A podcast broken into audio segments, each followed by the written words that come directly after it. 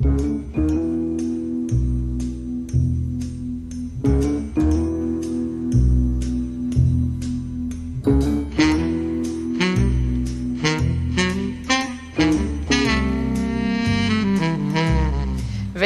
til en ny uke på Paradise Hotel. Takk. Den uken her så er det jo påskemysterier på hotellet. Så derfor så gjelder det å være litt ekstra på vakt. Den nådeløse meksikanske solen gjør den allerede krevende innspillingsdagen nesten umulig å komme gjennom. Selv for en erfaren programleder som Triana Iglesias er det vanskelig å kombinere veltalenhet og sexiness for å levere en perfekt introduksjon for kresne TV-seere hjemme i Norge. Den utholdelige varmen fører til at et nytt lag med sminke må til mellom hver tagning, og først etter 68 forsøk klarer den eksotiske, tatoverte skjønnheten å fremføre replikkene i perfekt synk med et verdensvant utslag med armene. Og nå er det påske, og det betyr påskemysterier. Velkommen til en ny uke på Paradise Hotel. Programlederen er letta nå. Mens hotellgjestene jubler over muligheten til å feire påske på erkenorsk vis med eggjakt, påskenøtter og dagsfylla i solveggen, løper Triana så fort de vakre benene kan bære henne bak kulissene til et produksjonsrom fylt av TV-skjermer som fanger opp hver minste lille bevegelse reality-deltakerne foretar seg på hotellet. Selv etter drøye åtte sesonger med opptak ved Mexicos vestkyst er hun like ivrig, Triana, og nekter å gå glipp av et øyeblikk med action. Og nå har hun de fortryllende øynene godt festet på monitorene som viser solbrune dramadronninger feste i hennes ferske swimwear collection. Morten, Martine, Alex, Andrea, Lunde, Grunde, Petter, Sofie, Henrita Ottevik og nykommeren André danser til lavbudsjetts-trans mens de heller nedpå drink etter drink etter drink etter drink. Ja, bortsett fra Grunde, da, som nyter et iskaldt glass morsmelkserstatning, maskert som en White Russian. Alle slapper av og nyter dagsfylla til det fulle, bokstavelig talt, bortsett fra én. André har nemlig fått et hemmelig oppdrag.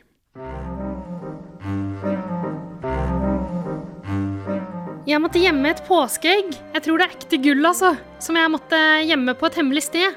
Så jeg har gått rundt i bungalowene og loungen og nede på solo og sånn i hele dag for å finne et sted å gjemme det. Så fort de andre får høre at Andrea får en fredning dersom ingen finner gullegget, bryter panikken løs.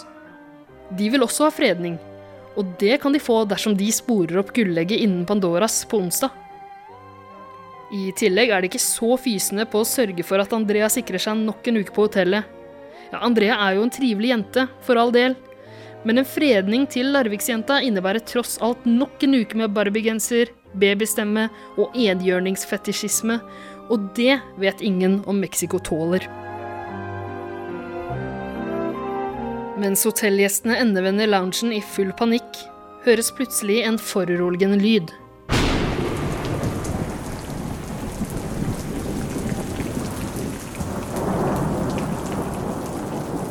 Et uhyggelig uvær brer seg over hotellet, og himmelen, som for et øyeblikk siden var uskyldsren og blå, har nå et blodrødt skjær mellom mørke skyer som smeller mot hverandre, og skaper en skikkelig, skikkelig, skikkelig guffen stemning.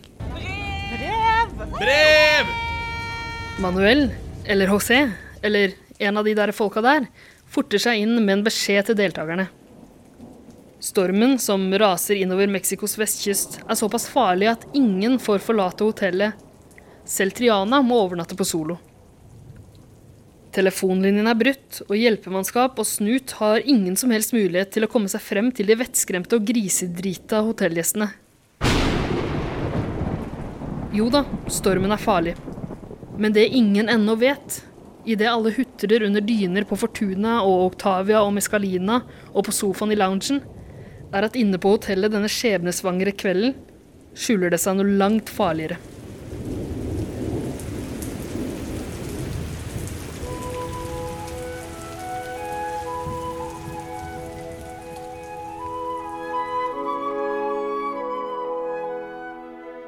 Dagen gryr på Paradise Hotel. Morgentrøtte hotellgjester kryper ut av hver sine dyner og møtes rundt frokostbordet, lettet over at nattens uvær har gått over. Reality-deltakerne gleder seg til endelig å kunne fortsette å sole seg. De har tross alt gått glipp av ganske mange timer med soltid. Og det virker ikke som betakaroten er en like ivrig sponsor av programmet som Dr. Greve plutselig har blitt. Hele gjengen sluker litt bacon og noen appelsiner, mens Alex og Petter tygger på hverandres morgenbrød. De er sultne nå, og klare for å innta nok en dag i paradis. Men det varer ikke lenge før idyllen brytes av et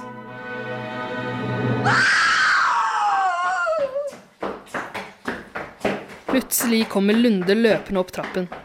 Hun ser likblek ut, og det er ikke bare fordi hun endelig har tatt av seg sminken som har satt en effektiv stopper for solingen så langt. Hvor har du vært? Hva har skjedd? Lunde? spør Kevin René.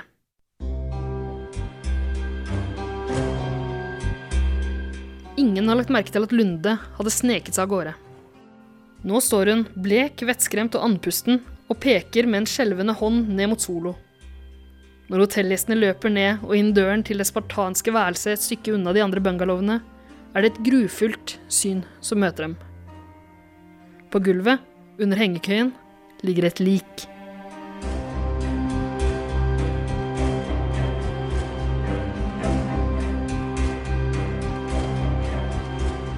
Skikkelsen som ligger livløs med ansiktet vendt ned i en blodpøl, er ikke til å ta feil av. Det lange håret er møysommelig dandert i en flette som går i ett med stroppen til en ekstravagant påskegul kjole. Et tusentalls tatoveringer dekker den gylne, stramme huden som spenner over de lekre kurvene og elegante musklene som en gang beveget seg grasiøst omkring på hotellet. Nå er legemet helt urørlig, tatt av dage av en glasskule knust mot hodet. Glasskårene omkranser den livløse kroppen, som ellers er omgitt av Trianas bagasje, nådeløst revet ut av kofferten og spredd rundt på gulvet.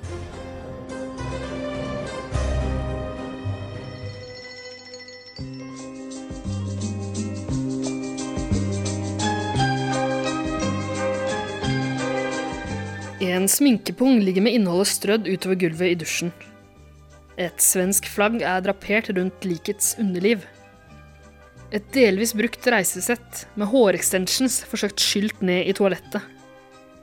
En lommelerke vendt opp ned i vasken, med innholdet for lengst forsvunnet ut i kloakken, sammen med innholdet i et titalls medisinesker og pillebrett.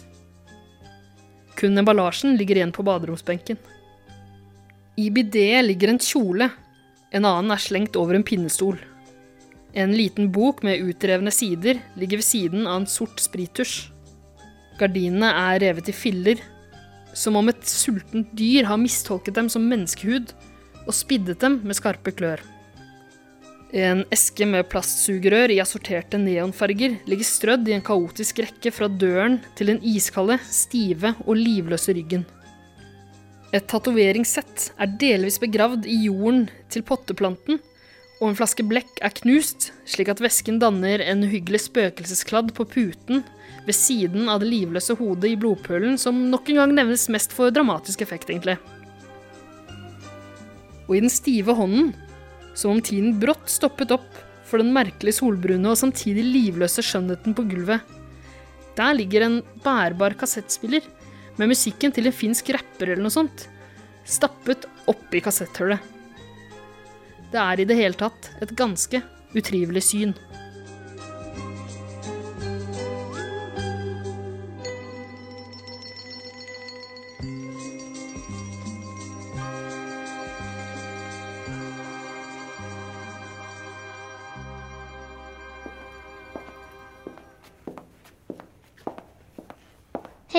Det är Rebecka här. Jag är tillbaka i paradis. Tjena lilla gumman. Hotellgjestene skvetter, snur seg og ser en kjent skikkelse i døråpningen. Det er Rebekka som har kommet tilbake til hotellet etter en sørgelig utsjekk for noen episoder siden. Og i hånden har hun et glinsende glasskår med et langt, mørkt hårstrå hengende fast i størknet blod.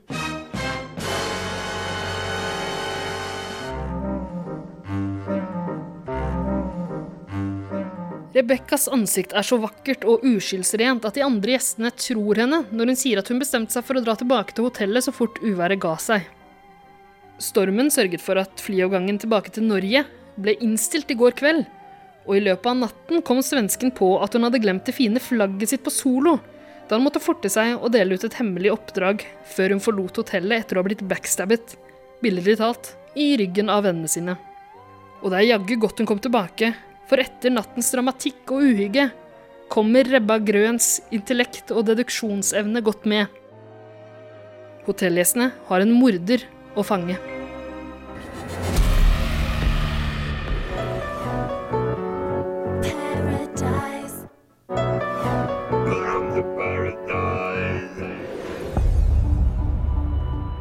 I løpet av reklamepausen innkalte den svenske mesterdetektiven de andre deltakerne til avhør. Telefonlinjene er gjenåpnet etter stormen, og mens hotellgjestene venter på at snuten og vaskepersonalet skal komme og rydde opp griseriet på Solo, får de beskjed om ikke å røre liket. Derfor samles alle i loungen, og anklagene hagler mellom de mistenkte. Men jeg, det, det som jeg tenker, er at det kan være Morten. Jeg tror det er Grunde, og det har jeg egentlig vært veldig sikker på, selv om jeg har switcha en del mellom Grunde, Petter og Kevin. Jeg er uskyldig. Jeg er 100 uskyldig. Men Morten er smart, så han vet at han hadde vært den siste som hadde blitt mistenkt. Jeg tror ikke det er Kevin. Men eh, nå er jeg ganske sikker på at det er Grunde. Er ni dumme i huvudet? Det er for fasiken ikke säkert at det er Grunde som er morderen. sier Rebekka. Hun reiser seg sakte, fyller tobakk i pipen sin og tenner på mens hun møter de andres blikk, én etter én der de sitter i sofaen. Ni alle er misstänkta. Var og en av dumskallar kan ha dødet noen i natt. Sofie, som tilsynelatende er en av de klokeste kvinnfolka i paradis, påpeker at strengt tatt er ganske sannsynlig at den hensynsløse drapsmannen er blant de solbrune festløvene som befinner seg i loungen akkurat nå. Mesterdetektiven Rebekka sier seg enig. Hun mener at det er flere av hotellgjestene som både har motiv og anledning til å ha begått udåden under nattens mylm og mørke på Solo mens de andre sov. Ta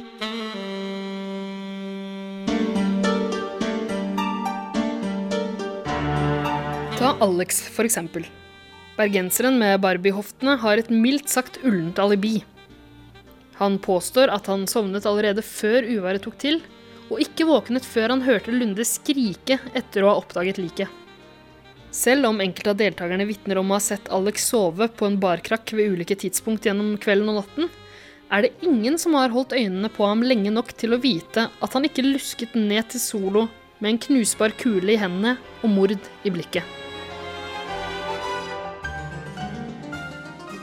Martine og Morten Barum, de to eh, bodøværingene med kombinert intelligens til å outsmarte den gjengse Paradise-deltaker, påstår endelig å ha gitt etter for lystne som i årevis har bygget seg opp i løpet av denne skjebnesvangre natten.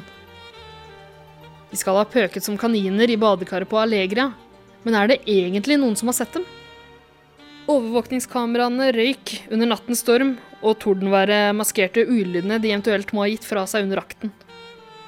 Kan det tenkes at de to gamle kollektivkameratene slettes ikke har romantikk i tankene, men snarere har gått sammen om å klekke ut en morderisk plan? Ifølge Grunde tilbrakte han natten i bassenget, der han forsøkte å sette ny pers i antall butterfly-lengder per time. Men er det noen som kan bekrefte alibiet? Petter påstår å ha hørt et høylytt plask i de tidlige morgentimer, men selv ikke Grunde er vel korttenkt nok til å oppsøke strømledende klorvann når det lyner og tordner i Syden.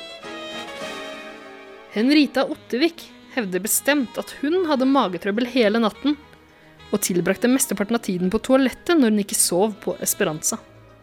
Den tilsynelatende livsglade trøndelagstøsa smiler kanskje uskyldig der hun sitter, men hva skjuler seg egentlig bak de blafrende løsvippene? Hun har tross alt et eh, brennende ønske om å sette Heimdal på kartet. Hvor langt er hun egentlig villig til å gå for å få pressen til å vende kameraene mot hjembygda? Er hun villig til å gå over lik? Han eh, nye krabaten, da? Hvor godt kjenner folk egentlig denne André?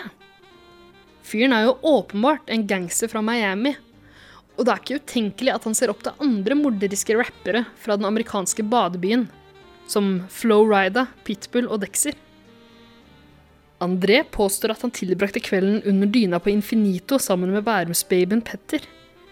Men kan han ha sneket seg ut for å få noen øyeblikk alene på solo i løpet av kvelden?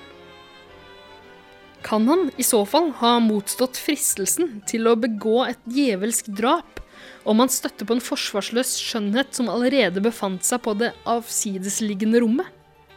Og hva med Lunde? Var det virkelig hun som oppdaget liket? Og hvor lenge var hun egentlig borte under frokosten? Lenge nok til å smelle en kule i hodet på sitt intetanende offer, kanskje? Eller var det Kevin René som så raskt påpekte pussigheten av at Lunde plutselig dukket opp? Er han så misunnelig på den mildt oversminkede Oslo-jentas mange Instagram-følgere? Misunnelig nok til å begå et bestialsk drap, for så å legge skylden på sin egen partner? Rebekka trekker pusten etter å ha mistenkeliggjort hver og en av de vettskremte hotellgjestene. Et iskaldt gufs brer seg over forsamlingen, og ingen tør sitte for nær sin potensielt livsfarlige sidemann. Bortsett fra Grunde, da, som ennå ikke har oppfattet at stemningen i gruppen har surnet betraktelig. José, eller Manuel, en av de folka der, fyller vodka battery i alles glass. Degosen ser hakket mer stresset ut enn vanlig, kanskje smittet av den nifse stemningen som har bredt seg over hotellet, der ingen lenger kan stole på hverandre. Rebekka er fornøyd med den dramatiske pausen hun har lagt inn for å la realitetene synke inn hos de livredde deltakerne, og tar igjen ordet mens en frisk meksikansk bris leker med hennes gylne lokker. Faktisk så har jeg redan hunnit pyssla ihop spåren og kan avsløre hvem morderen er. Det skal jeg gjøre nå. Sakte, men selvsikkert løfter den svenske skjønnheten fingeren og peker.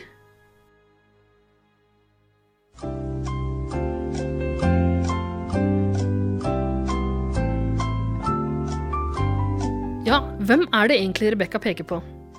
Klarer du å løse gåten før hun avslører svaret? Fort deg å tenke over alle cluesa, og klekke ut en løsning før svaret plutselig treffer deg som en skjør glasskule i hodet.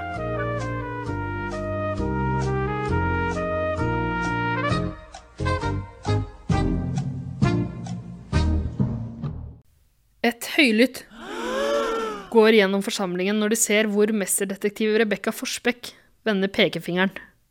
Hun har løftet den sakte, samtidig som hun i en grasiøs bevegelse har spunnet 180 grader rundt sin egen akse og vendt det isklare blikket bort fra de skjelvende deltakerne som er samlet i loungen.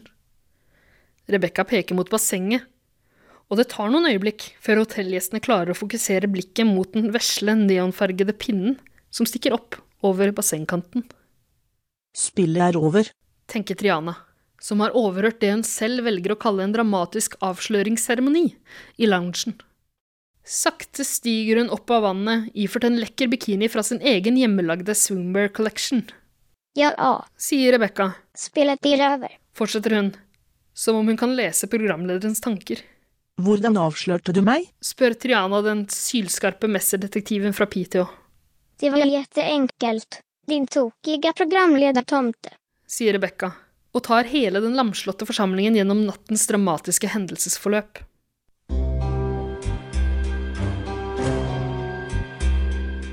Da Rebekka sjekket ut i forrige parseremoni, måtte hun gi Andrea et hemmelig oppdrag.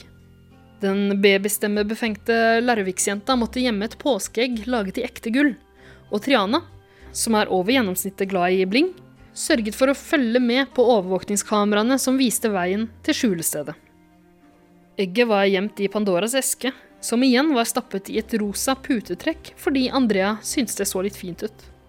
Da uværet la seg over hotellet og alle deltakerne gikk hver til sitt for å forsøke å sove gjennom stormen, listet Triana seg til putene i loungen, og hun klemte på alle til hun fant det hardeste og fisket ut egget fra Pandoras eske.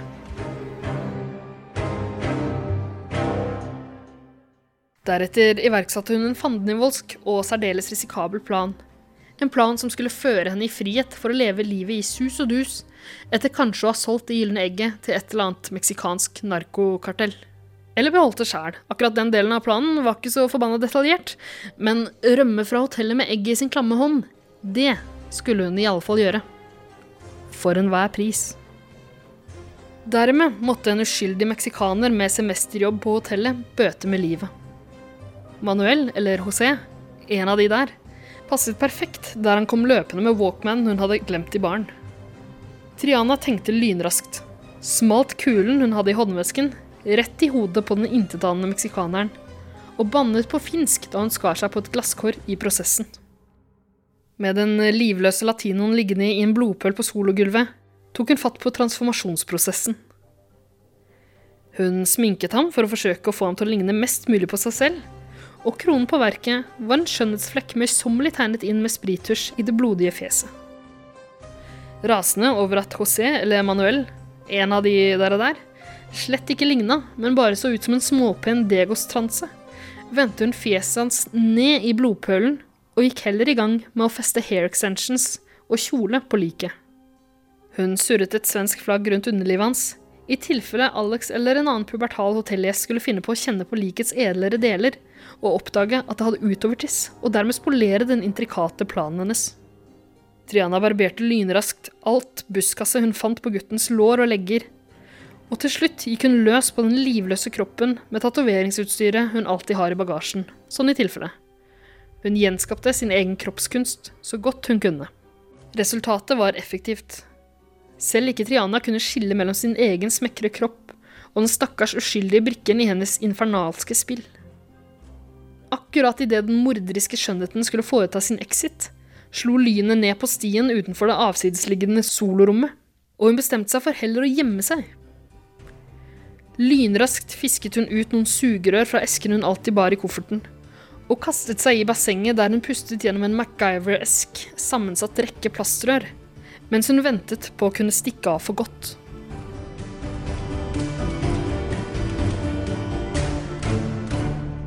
Hotellgjestene er målløse.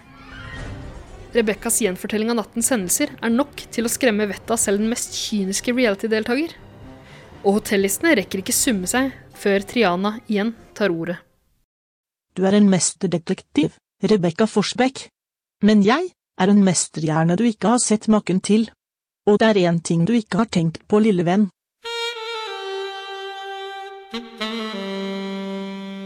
Triana fisker ut en lang remse gardinstoff sammenknyttet i endene fra kløften i hennes Swimwear Collection-badedrakt. Den er festet til bryggestolpen hun gjemte seg bak natten igjennom. Lynraskt kaster hun den over kanten på den andre enden av bassenget. Hun legger seg på svøm, og selv ikke Grunde klarer å ta henne igjen før hun har forsvunnet over kanten og ned det bratte stupet mot stranden og friheten. Triana var borte, og Paradise Hotel ble aldri det samme igjen.